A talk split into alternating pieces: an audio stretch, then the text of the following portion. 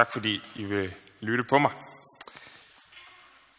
Jeg kan starte lige med at øh, sige lidt om mig selv. Jeg hedder Kasper, og øh, jeg kommer fra Vejle, men nu bor jeg i Aarhus og læser på Menighedsfakultetet. Jeg er snart færdig med andet semester. Jeg har lige afleveret en eksamen her til morgen, og jeg har to eksamener tilbage, og så har jeg sommerferie. Ja, og øh, jeg skal så sige lidt om det her med, er Herren hos os eller ej? Og øhm, jeg tager udgangspunkt i, øh, i en beretning i 2. Mosebog, kapitel 17, som jeg vender tilbage til lige om lidt. Men først, så starter vi lige et andet sted. Jeg tror, jeg tror det gælder for, for de fleste mennesker, at vi ikke bryder os om, hvis, hvis nogen blander sig for meget. Ikke? Det er okay, og at, at vi har gode venner, sådan, men, men de må helst ikke blande sig for meget. Øh, vi, vil gerne, vi vil gerne ligesom selv have styr på, på det, vi har styr på, og så skal andre ikke lige sådan komme og sige, tror du det er egentlig, det er en god idé at gøre det der? Eller burde du ikke gøre sådan her? Det tror jeg, for selv de bedste, der kan det godt være lidt irriterende. På samme måde, så kan vi måske også irritere os over, hvis Gud blander sig for meget i vores liv. Det er da fint nok med en, med en Gud, som, som godt kan lide mig og sådan, men behøver han ligefrem blande sig? Behøver han ligefrem blande sig? Hvorfor? Hvorfor er det sådan?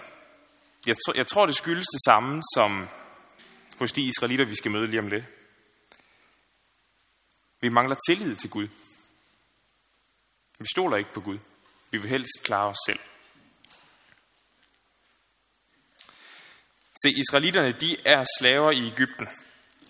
Og de fleste af jer kender nok historien om, hvordan, øh, hvordan Gud han lover at befri dem, selvom Farao ikke vil lade dem gå. Da de så endelig får lov at gå, og, og han bliver, bliver ledt igennem Sivhavet, og så går Gud foran dem i en øh, ildsøjle om dagen, og en, øh, en ildsøjle om natten og en skysøjle om dagen, og leder dem ud af Ægypten gennem ørkenen på vej mod det land, som han har lovet dem, som han har lovet deres fædre. Og øh, det eneste vand, de kan finde, det er udrikkeligt. Men Gud tager sig af dem. Og han renser vandet. De mangler mad, og de klager til Gud, og Gud tager sig af dem. Han sender dem både manna og kød i læsevis, lige så de får kvalme af det. Gud tager sig af dem. Og så springer vi ind i beretningen, læser fra 2. Mosebog kapitel 17, versene 1-7. På Herrens befaling brød hele Israelitternes menighed nu op fra Sins ørken og drog videre fra sted til sted. De slog lejre i Refidim, men da folket ikke kunne få vand at drikke der, rettede de anklage mod Moses og sagde, Skaf os vand at drikke. Moses svarede, Hvorfor retter I anklage mod mig? Hvorfor udæsker I Herren? Men folket tørstede efter vand, og de gav ondt af sig mod Moses og sagde, Hvorfor har du ført os op fra Ægypten, så du lader os og vores børn og vores kvæg dø af tørst? Moses råbte til Herren, Hvad skal jeg stille op med dette folk? Nu stener de mig snart. Da sagde Herren til Moses, Tag nogle af israeliternes ældste med dig og gå frem foran folket. Tag den stav, du slog på Nilen med i din hånd og gå. Der, på klippen ved Horeb, vil jeg stille mig foran dig. Når du slår på klippen, strømmer der vand ud af den, så folket kan drikke. Det gjorde Moses for øjnene af Israels ældste, og han kaldte stedet Massa og Meribah, fordi israelitterne kom med anklager, og fordi de udæskede Herren og sagde, er Herren hos os eller ej.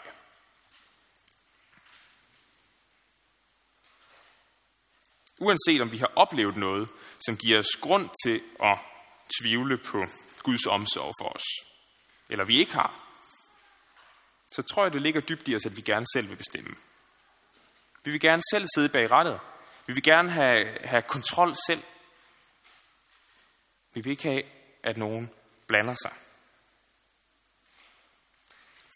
Og det galt også for de israelitter her. De er på, øh, de er på vandring ud af, af Ægypten. De er gået igennem Sivhavet herop, går ned her i Sins ørken, bryder op og kommer til Refidim, der ligger hernede på spidsen formentlig, deromkring.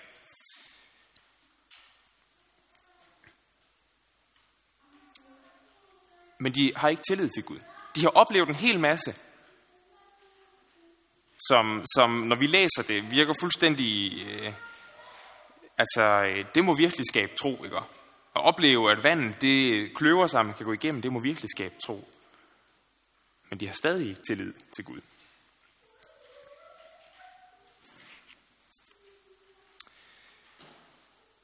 Et problem forsvinder ikke bare, selvom man ignorerer det.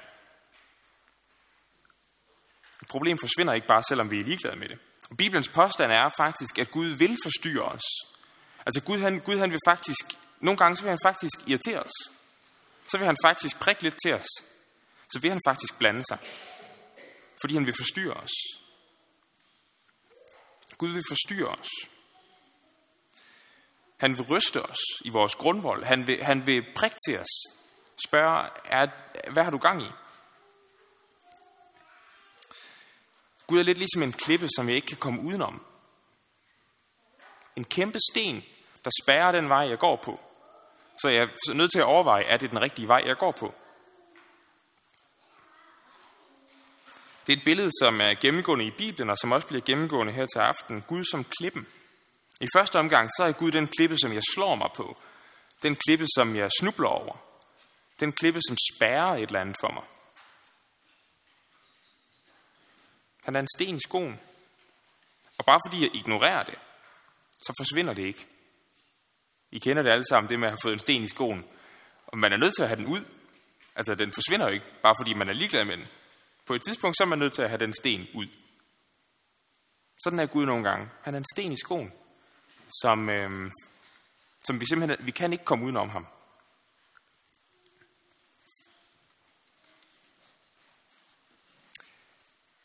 Gud han vil have noget med dem at gøre, som ikke vil have noget med ham at gøre. Det er, det er Guds væsen. Når Gud præsenterer sig selv for Moses lidt senere i, i Mosebøgerne, så siger han, at jeg er troskab og sandhed. Guds væsen er at være tro mod dem, der er utro. Gud vil have noget med dem at gøre, der ikke vil have noget med ham at gøre. Gud er altså radikalt anderledes, end vi er. Hvor vi har svært ved at have tillid til Gud, så er Gud trofastheden selv.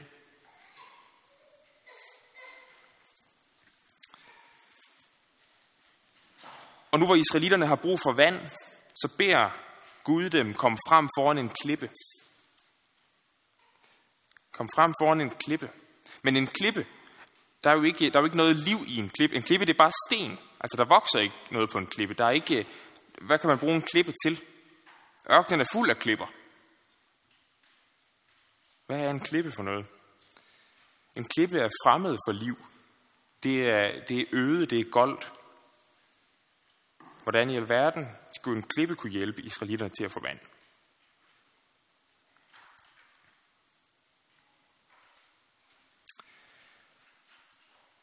Gud ønsker at forstyrre os, fordi han gerne vil have vores opmærksomhed. Gud vil faktisk gerne have vores opmærksomhed. Han vil, han vil have os til at overveje, hvem vi er og hvem han er.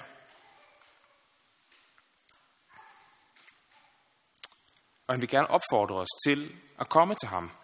Kom til mig, siger han. Der er bare et problem. Vi er Guds fjender. Det er et kæmpe problem. Vi kan ikke komme til Gud, fordi vi er Guds fjender. Vi hader Gud. Det har vi gjort lige siden Adam og Eva. Vi hader Gud, blandt andet fordi han vil forstyrre os.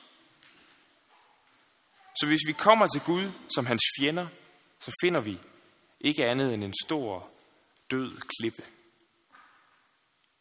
Så er der ikke noget at hente.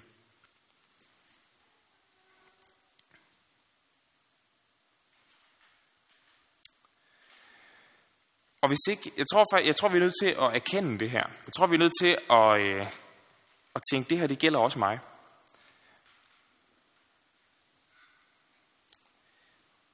For det gælder os alle sammen. Vi er alle sammen Guds fjender. Vi er, vi, der er ingen af os, der er på hold med Gud. For os alle sammen gælder det, at Gud er en klippe, vi ikke kan komme udenom. Gud er en klippe, som forstyrrer os. En klippe, som jeg slår mig på.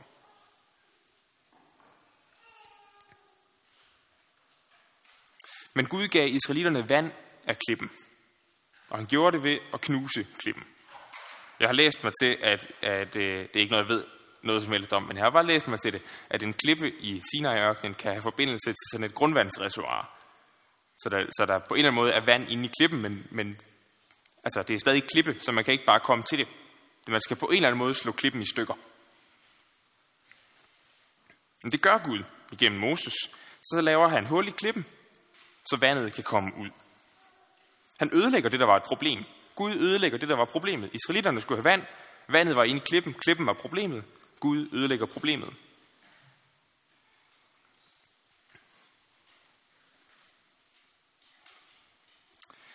Der er øh, det her med, med klippe og vand og sådan noget, eller med, med ørken og vand, det taler profeten Esajas også om, hvor han siger sådan her, øh, eller hvor Gud siger igennem Esajas, de hjælpeløse og fattige søger vand, men der er ikke noget. Deres tunge tørrer ud af tørst. Men jeg, Herren, vil svare dem. Jeg, Israels Gud, svigter dem ikke. Jeg lader floder strømme i det nøgne land, lader kilder springe i dalene. Jeg gør ørkenen til oase, det tørre land til kildevæld. Jeg planter sædertræer i ørkenen, akacier, myrter og oliventræer. Jeg sætter enebær i det øde land til lige med ask og cypris, for at de kan se og erkende, lægge sig på sinde og forstå, at Herrens hånd har gjort det. Israels hellige har skabt det. Så Gud beskriver altså sig selv som en, der gør ørkenen til en oase. En, der lader vand springe frem i ødemarken. Sådan er jeg, siger Gud. Jeg er sådan en, som bringer liv der, hvor alt var dødt.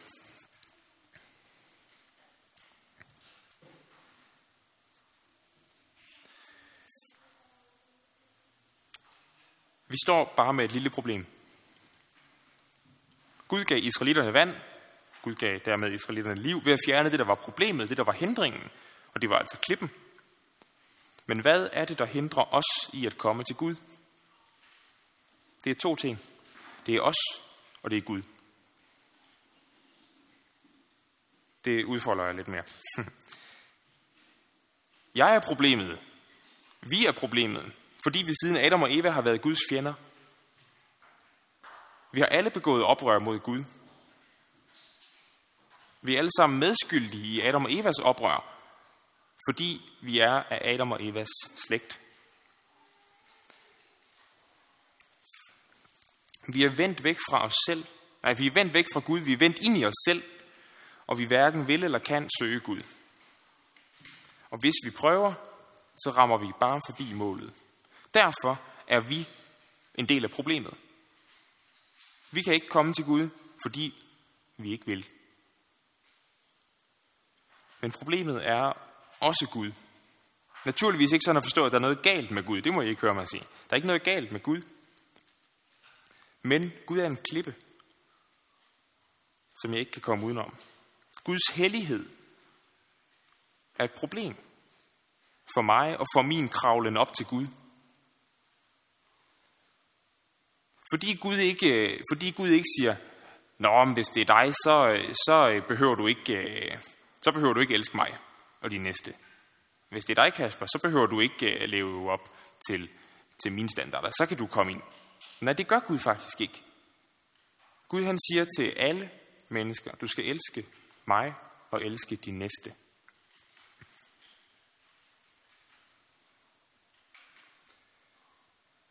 På den måde er Gud selv en hindring i forhold til at komme til Gud. Gud kræver noget af mig, som jeg ikke kan opfylde, og som han godt ved, jeg ikke kan opfylde. Jeg har tre punkter her, som, som i hvert fald ændrer min forståelse af, hvem og hvad Gud er. Og det første punkt, det er, at Gud selv er en hindring for mig. Gud selv er en hindring for mig i forhold til at komme til ham. Det andet punkt, som jeg kan støde mig på, som ryster min forståelse af, hvem Gud er, det er, at Gud kommer til mig. det er, det er det, som Paulus kalder Bibelen, øh, Paulus kalder for øh, evangeliets dårskab. Altså det er kristendommens fuldstændig vanvittige budskab. At Gud kommer til os. Hvis vi sammenligner med, med i hvert fald alle de andre religioner, jeg kender til, så er der trapper op til Gud. Og vi skal i hvert fald som minimum kravle et lille stykke, eller bare ville kravle et lille stykke, og så hjælper Gud resten. Men det går opad imod Gud. Men nej, sådan er det ikke med Bibels kristendom. Bibels kristendom fortæller, at Gud kommer ned. Han kommer helt ned. Han står ikke bare på det nederste trin og venter. Han kommer helt ned. Gud kommer til mig. Og det er Bibelen et langt vidnesbyrd om, at Gud kommer til mennesker. Himlens og jordens skaber bøjer sig ned til sine fjender. Der er ingen trapper fra mig og op til Gud. Der er kun én trappe fra Gud og ned til mig. Hvorfor kommer Gud? Det er det tredje punkt. Hvad er formålet med, at Gud kommer? Hvad er Guds mission? Guds mission er at knuse sig selv. Det er om muligt endnu mere tåbeligt, vil Paulus kalde det. Altså en dårskab. Det er den dårskab, vi prædiker. At Gud dør på et kors. At Gud knuser sig selv. Han kunne vælge at knuse os. Han kunne bare lade israelitterne dø af tørst. Han knuser klippen. Og i stedet for at knuse os, så knuser han sig selv. Det er den eneste anden mulighed, hvis han vil have fællesskab med os. På Jesu tid, øh, der var en jødisk forestilling om, at den klippe, som Moses slog på, øh, sådan i en eller anden forstand fulgte med israelitterne resten af, af ørkenvandringen, så de ligesom blev ved med at få vand af den samme klippe. Øh, hvor den forestilling er opstået, det, det ved jeg ikke, men det, er i hvert fald, det tænkte man i hvert fald. Paulus han tager fat i det i 1. Korintherbrev 10, hvor han skriver, at israelitterne drak af en åndelig klippe, som fulgte med, og den klippe var Kristus. Israelitterne i ørkenen, de drak af en åndelig klippe, som fulgte med, og den klippe var Kristus. Så Paulus han siger altså, selvfølgelig fulgte klippen ikke med fysisk, i fysisk forstand, men på en eller anden måde, så havde de her israelitter i ørkenen forbindelse til Kristus. I åndelig forstand havde de forbindelse til Kristus. Og det liv, de fik, som var et fysisk liv, det havde på en eller anden måde forbindelse til det åndelige liv, som de fik gennem deres tro på Kristus. Selvom de ikke vidste ret meget om ham.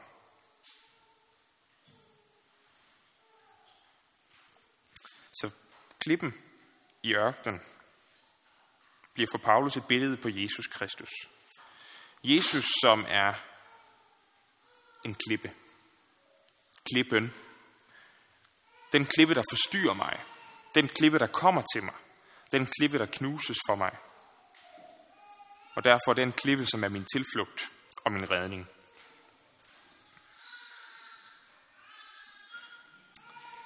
For det første, Jesus er den klippe, der forstyrrer mig. Den klippe, som jeg aldrig kan komme udenom. Og faktisk ønsker Gud at forstyrre mig. Hvis jeg bare er gået ind på den gale vej, hvis jeg så ikke bliver forstyrret, så fortsætter jeg jo bare i den gale vej. Derfor ønsker Gud at forstyrre mig, så jeg bliver opmærksom på, hvor jeg er på vej hen, hvilken vej jeg har valgt. Jesus ønsker at forstyrre mig. Det kunne for eksempel være, hvis jeg lever i den vildfarelse, at jeg faktisk elsker Gud af hele mit hjerte, og elsker min næste fuldstændig ligesom jeg elsker mig selv så ønsker Gud at forstyrre mig. Prik lidt til mig. Sige, er du sikker på det? Hvad hvis det er flygtning nummer 1500, der banker på din dør? Elsker du så stadig din næste, lige så meget som du elsker dig selv?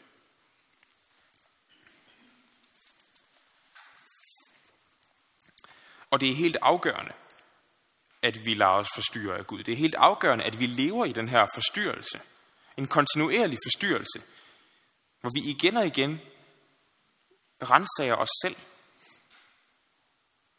Hvor vi igen og igen spejler os i Jesus. Og lader os forstyrre af den klippe, vi ikke kan komme udenom.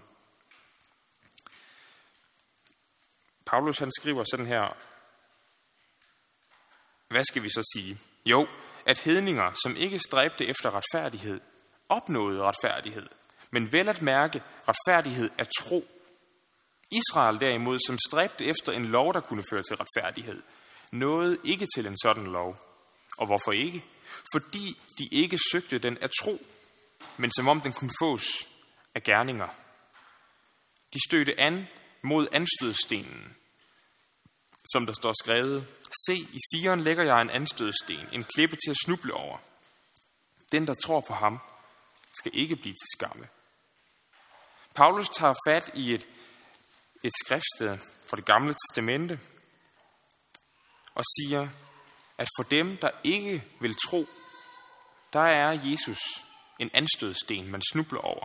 Han er den, hvis I forestiller jer sådan en, en, en markvej eller et eller andet skovsti, hvor der så lige stikker en sten op, som man lige snubler lidt over. Lige slår øh, snuden af skoen på og mister balancen. Sådan er Jesus, siger Paulus, for dem, der ikke vil tro.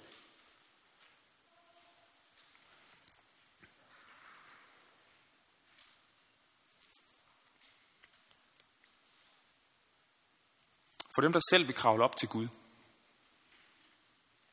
de snubler over Jesus. Hvorfor gør de det? Det gør de, fordi han kom. Jesus er den klippe, der kommer til mig.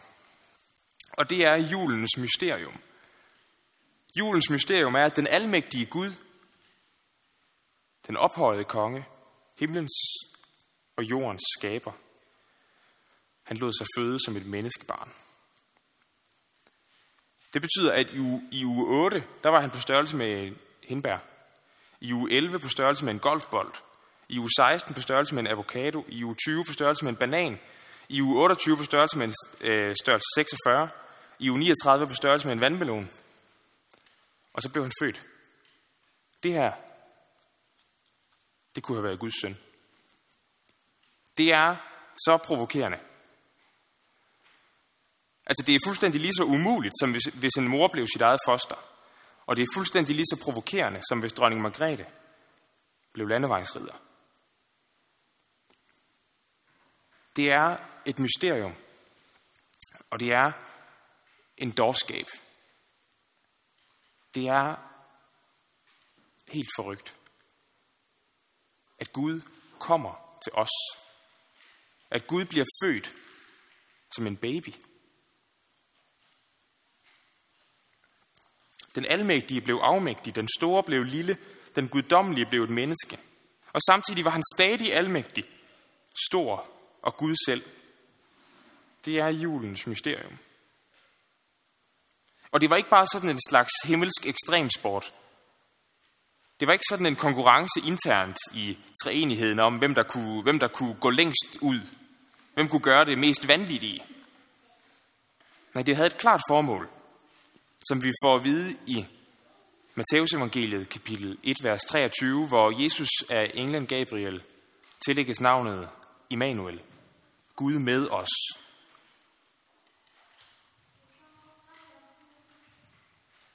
Jesus kom, fordi det var helt nødvendigt.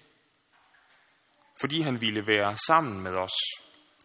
Fordi han ville nå os. Og fordi han ville knuses for os.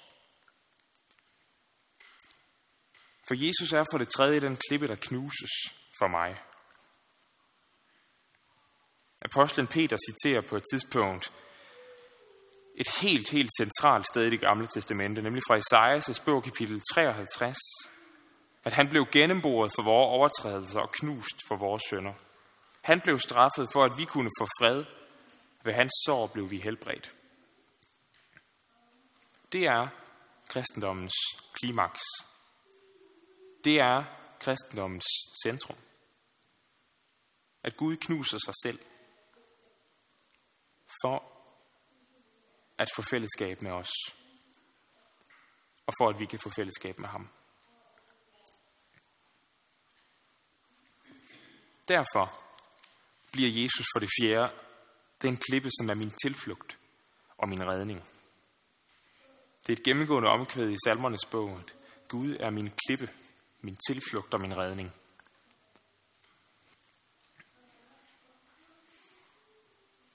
Hvordan får jeg fællesskab med Gud igen? Det gør jeg ved, at Gud giver mig del i alt det, som Jesus havde. Alt det, som Jesus har, og alt det, som Jesus er. Gud giver mig del i alt det, der hører Jesus til.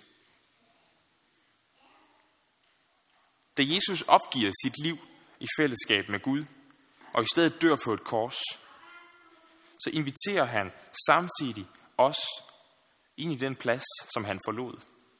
Helt ind i Guds nærhed. Ind i Guds fællesskab. Der inviteres vi ind. Men læg mærke til, hvem der er det handlende subjekt. Hvem er det, der gør det? Det er Gud, der gør det. Det er Gud, der giver mig. Det er ikke mig, der selv kravler op. Det er ikke mig, det er Gud. Det er Gud, der kommer. Det er Gud, der griber ind. Og det er endda Gud, der knuser sig selv. Salme 61, vers 3 siger det, jeg synes det er så smukt. Du skal føre mig op på den klippe, der er for høj for mig. Du, Gud, skal føre mig op på den klippe, der er for høj for mig. Det, der skete for israelitterne, det sker også for os. Klippen bliver til liv. En klippe, udover at være et sted, hvor der ikke er noget, udover at være et sted, hvor man kan støde sig, så er det også et tilflugtssted. Det er et naturligt forsvarsværk. Det er et sted, hvor der er skygge, hvor der er ly, hvor der er et fast fundament. Og fordi Gud oprejste Jesus til liv, efter at han var død, så har vi fællesskab med Gud selv igennem døden. Selv igennem døden. For dig, der lever i troen på Jesus, så spiller døden ingen rolle. Udover at være fagemand, som brorsan skriver, min død er fagemand til livets faste land. Døden, den fragter mig bare herfra og til den nye jord.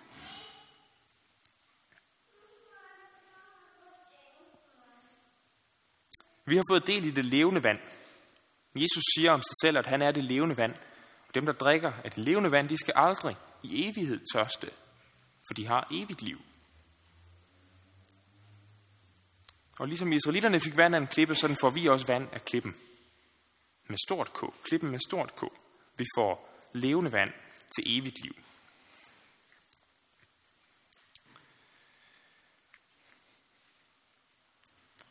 For at gå tilbage til starten, så er min påstand stadig, at vi gerne vil have en Gud på vores præmisser. Vi vil gerne have en Gud, som vi selv har styr på. En Gud, som er underlagt os, som vi ligesom kan bestemme, hvor meget han skal blande sig. Hvor meget indflydelse han skal have. Men Gud vil ryste vores fundament, fordi han er anderledes end os. Han er fuld af troskab og sandhed. Israelitterne de lærte, at Gud han gav dem det, de havde brug for. Og når de stillede spørgsmålstegn og spurgte, er Herren hos os eller ej, så fik de et klart ja. For Gud gav dem vand og manna og kød, og han førte dem ud af Ægypten. Han gav dem det land, han havde lovet dem. Han opfyldte sine løfter. Et klart ja, også selvom de nogle gange glemte det. De levede i den virkelighed, at Gud var med dem. Deres virkelighed var, at Gud var med dem. Også selvom de nogle gange glemte det. Gud svarede på israeliternes spørgsmål. Og øh, han blev ved med at svare på det op igennem israeliternes historie. Og på et tidspunkt så svarer han ultimativt på det. Den første jul, der svarede Gud ultimativt på, at han virkelig er med os. Jesus blev født, blev beskrevet med titlen Immanuel, Gud med os. Julen viser os, at Gud er med os. Det er ikke Gud uden for os, det er Gud med os. Det er ikke Gud langt væk fra mig, det er Gud helt tæt på mig. Det er ikke Gud ligeglad med mig. Det Gud ser mig. Og i påsken, der fejrer vi på en eller anden måde også, at Jesus er Immanuel. Så er det ikke længere Gud mod mig, men Gud med mig.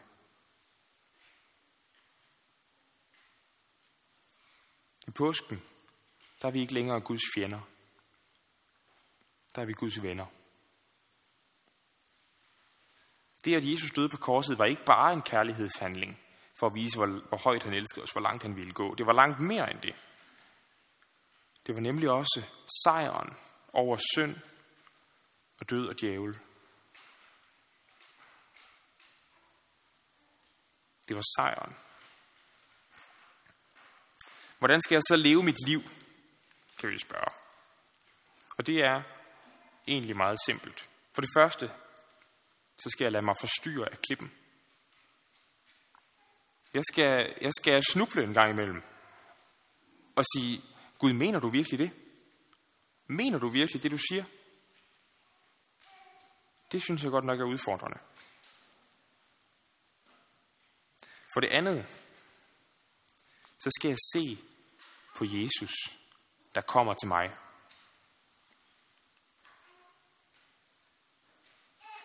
Jesus, der kommer til mig, fordi han vil nå mig. Fordi han kan lide mig. Fordi han holder af mig. Fordi han ikke vil være uden mig.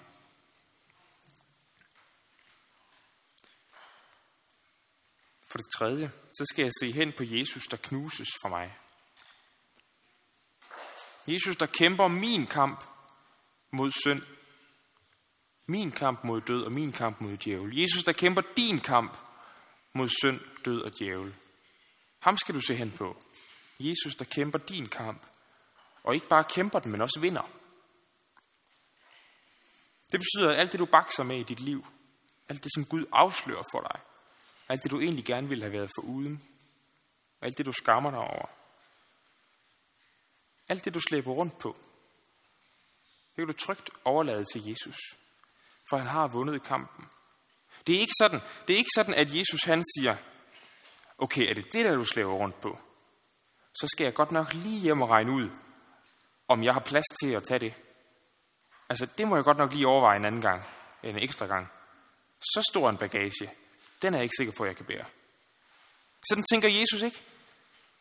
Fordi han har vundet. Der er intet af det, du slæver rundt på. Der er intet af det, du slæver rundt på, som kan få Jesus til at sige, nu, nu lukker vi. Altså, øh, så langt kan jeg ikke gå. Fordi han har vundet. Han har vundet.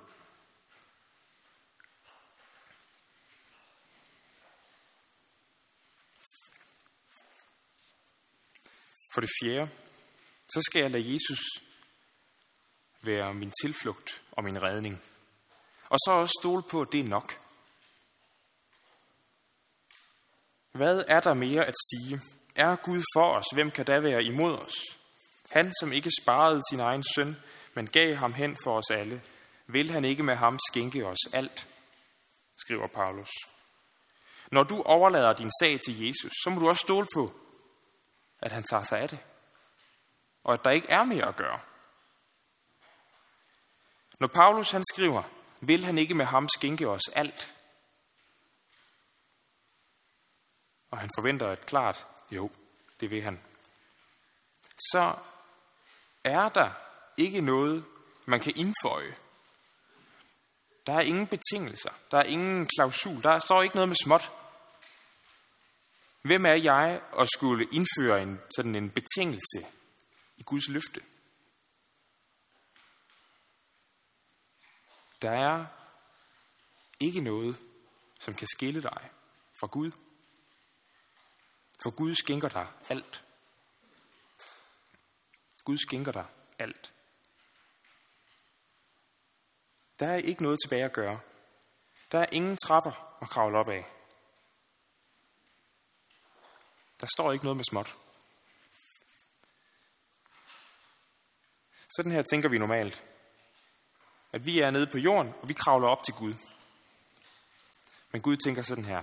Jeg kommer selv. Jeg kommer selv. Og endnu mere bibelsk ville det være at tegne det sådan der, at den treenige Gud kommer, i det han sender sin søn gennem sin ånd.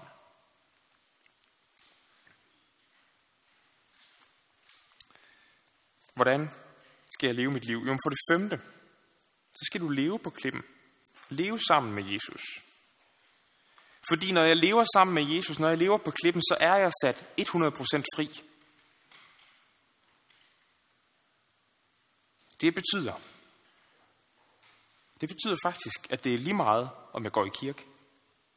Det betyder faktisk, at det er lige meget, om jeg læser i min bibel.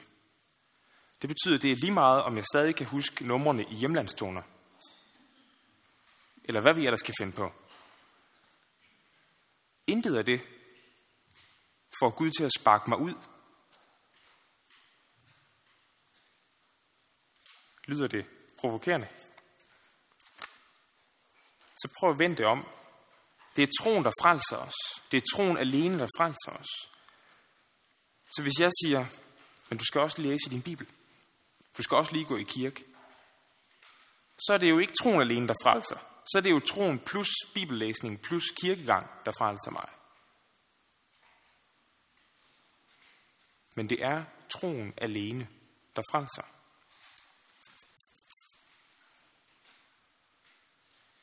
Du er sat 100% fri fra alt, fordi Gud er kommet til dig. Der er ingen trapper, ingen anstrengelse, intet arbejde at gøre, for alt er gjort af Gud. Vi er blevet sat på den klippe, som var alt, alt, alt for høj for os at kravle op på selv. Og intet af det, vi gør, kan få Gud til at skubbe os ud. Intet af det, vi gør, kan få Gud til at skubbe os ud. Det er klart, at Gud giver nogle retningslinjer. Men det er lidt ligesom striberne på en vej. Hvorfor må jeg ikke køre i venstre side af vejen? Det må jeg ikke, fordi det, det er uklogt. Gud giver nogle anvisninger, som er lidt ligesom striberne på en vej. Man kan godt synes, de er træls. Men de har også et formål. Og billedet holder ikke helt. Fordi hvis jeg kører i venstre side af vejen, så er der faktisk nogen, som, som øh, straffer mig for det. Men her går Gud endnu længere. Så siger han, du er sat fri. Det betyder, at, at hvis, jeg, hvis jeg faktisk gerne vil tro på Jesus, men ikke gå i kirke, jamen så hvis jeg har troen på Jesus i mit hjerte, så er det det, der frelser mig. Det betyder faktisk, at hvis jeg ikke vil læse min bibel, så kan jeg godt være kristen alligevel. For jeg er sat fri. Der er ikke noget, der kan få Gud til at skubbe mig væk. Der er dog noget, som kan få mig selv væk. Og det er derfor Gud giver retningslinjer. Det er derfor Gud sætter striber på vejen og siger, det er bare bedst, hvis du kører i højre side. Fordi på den måde så undgår du selv at komme til skade, og du undgår at skade andre.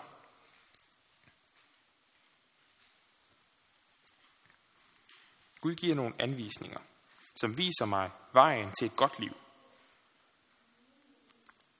Og til sidst vil jeg lige give et personligt eksempel, nemlig i forhold til penge.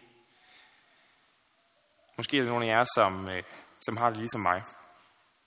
Jeg vil helst, jeg vil helst bruge mine penge på mig selv. Jeg vil helst bruge mine penge på noget, som jeg får noget ud af.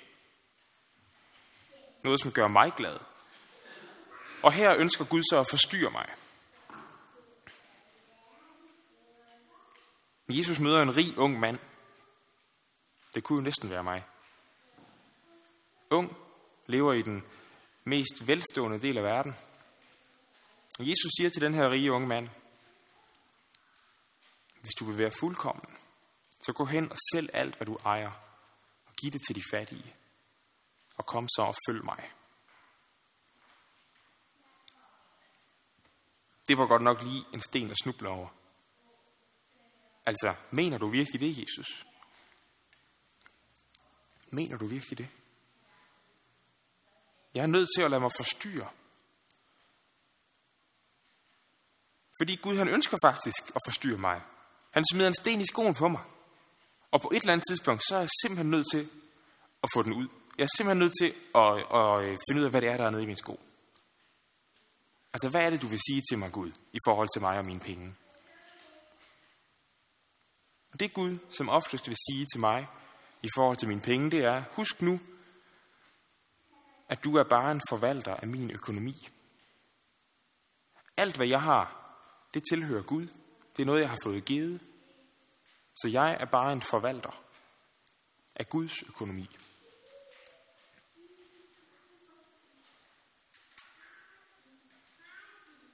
Så viser han mig Jesus, som kommer til mig.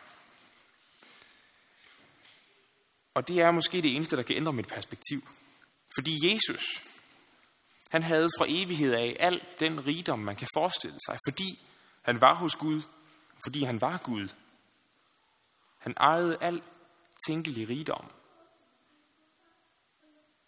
Men han vælger at give afkald på det.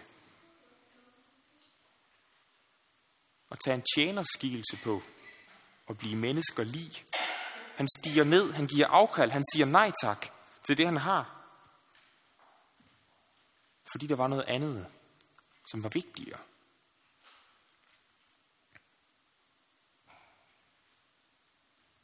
For det tredje, så ser jeg Jesus som knuses for mig. For Jesus stoppede ikke bare, da han havde taget en tjenerskikkelse på og blevet menneskerlig. Han blev også lydig ind til døden. Ja, døden på et kors. Altså, hvor dybt kan man synke? Faktisk kan man ikke synke dybere end til døden på et kors. Mennesket har opfundet mange forfærdelige måder at slå hinanden ihjel på. Og dem, der har undersøgt det, siger, at korsfæstelse, det er den værste.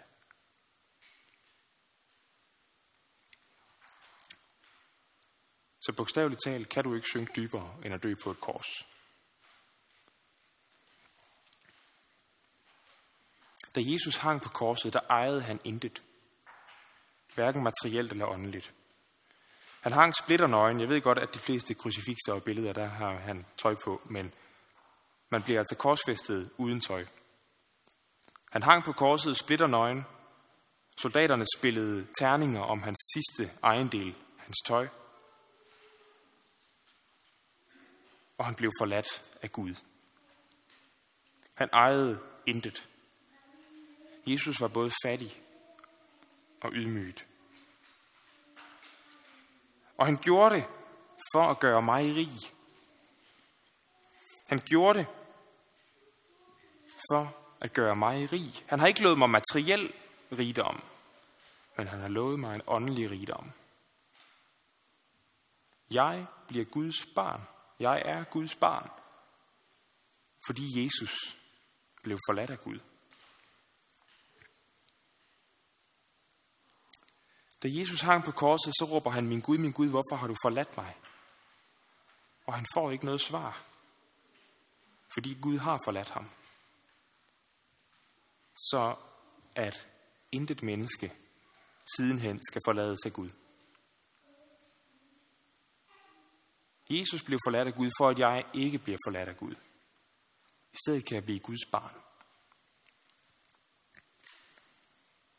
Og fordi Jesus stod fysisk op fra de døde, så har jeg også fået et håb om et evigt liv, hvor alt skal være godt. Et evigt liv på den nye jord, hvor alt er godt. For det fjerde, så er det her min tilflugt og min redning. Der er ikke mere at gøre. Gud giver mig alt med Jesus. Jeg skal ikke betale noget til Gud for at blive hans barn. Jeg skal ikke kravle op ad nogen trapper for at nærme mig Gud, for Gud er kommet ned til mig. Han har betalt for mig. Han sætter mig fri. Og så giver han mig for det femte et nyt liv og et nyt perspektiv på mit liv. Nu lever jeg på klippen. Nu lever jeg på det, Jesus han har gjort. Og hvad betyder det? Jo, det betyder, at jeg spørger mig selv, er det vigtigt at have den nyeste smartphone? Er det vigtigt at have den nyeste bil? Nej. Fordi det kan jo ikke føre mig tættere på Gud. Det kan jo ikke få mig op på klippen, for her står jeg allerede. Det kan jo ikke give mig et håb om et evigt liv, for det har jeg allerede. Det kan ikke bringe mig tættere til Gud, for jeg er allerede lige så tæt på Gud, som jeg kan komme. Det er kun mit forhold til Jesus, som kan bringe mig op på klippen, som kan redde mig fra evig fortabelse.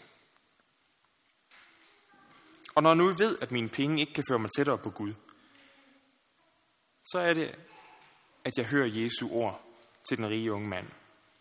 Gå hen og sælg alt, hvad du ejer. For det kan jo alligevel ikke føre dig tættere på Gud. Det er en vejledning til mit liv. Lad du være med at lægge vægt på det, du har af materielle ting. For det er jo ikke det, der er vigtigt.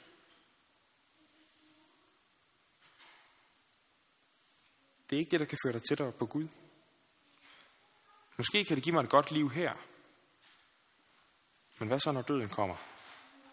Og så siger Jesus også til den rige unge mand, kom så og følg mig. Det er nemlig det, der virkelig betyder noget. At leve sammen med Jesus. At leve på klippen. Og hver eneste gang, hvor jeg fejler, hvor jeg kommer til kort, hvor jeg helst vil bruge pengene på mig selv, hvor jeg helst vil have en Gud på mine præmisser, hvor jeg helst ikke vil have, at Gud blander sig for meget. Hver eneste gang, jeg, jeg står der og godt ved, at øh, det, var ikke, det var ikke lige det her, jeg skulle. Gud han ville gerne noget andet. Hver eneste gang, jeg finder mig selv der, så vender jeg tilbage til punkt 4. Der er ikke mere at gøre over for Gud. Der er ikke nogen trapper at kravle op af. Det er Jesus, der er min tilflugt og min redning. Jeg står allerede på klippen.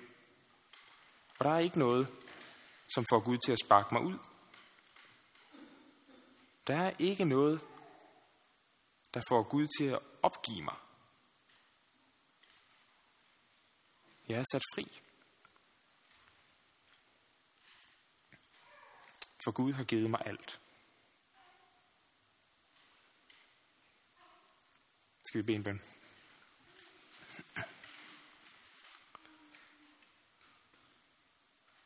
Jesus, vi takker dig, at du kom. At du kom som et menneske. At du kom og blev som en af os. Og vi takker dig, at du havde et helt bestemt formål med det, nemlig at give dig selv hen for os.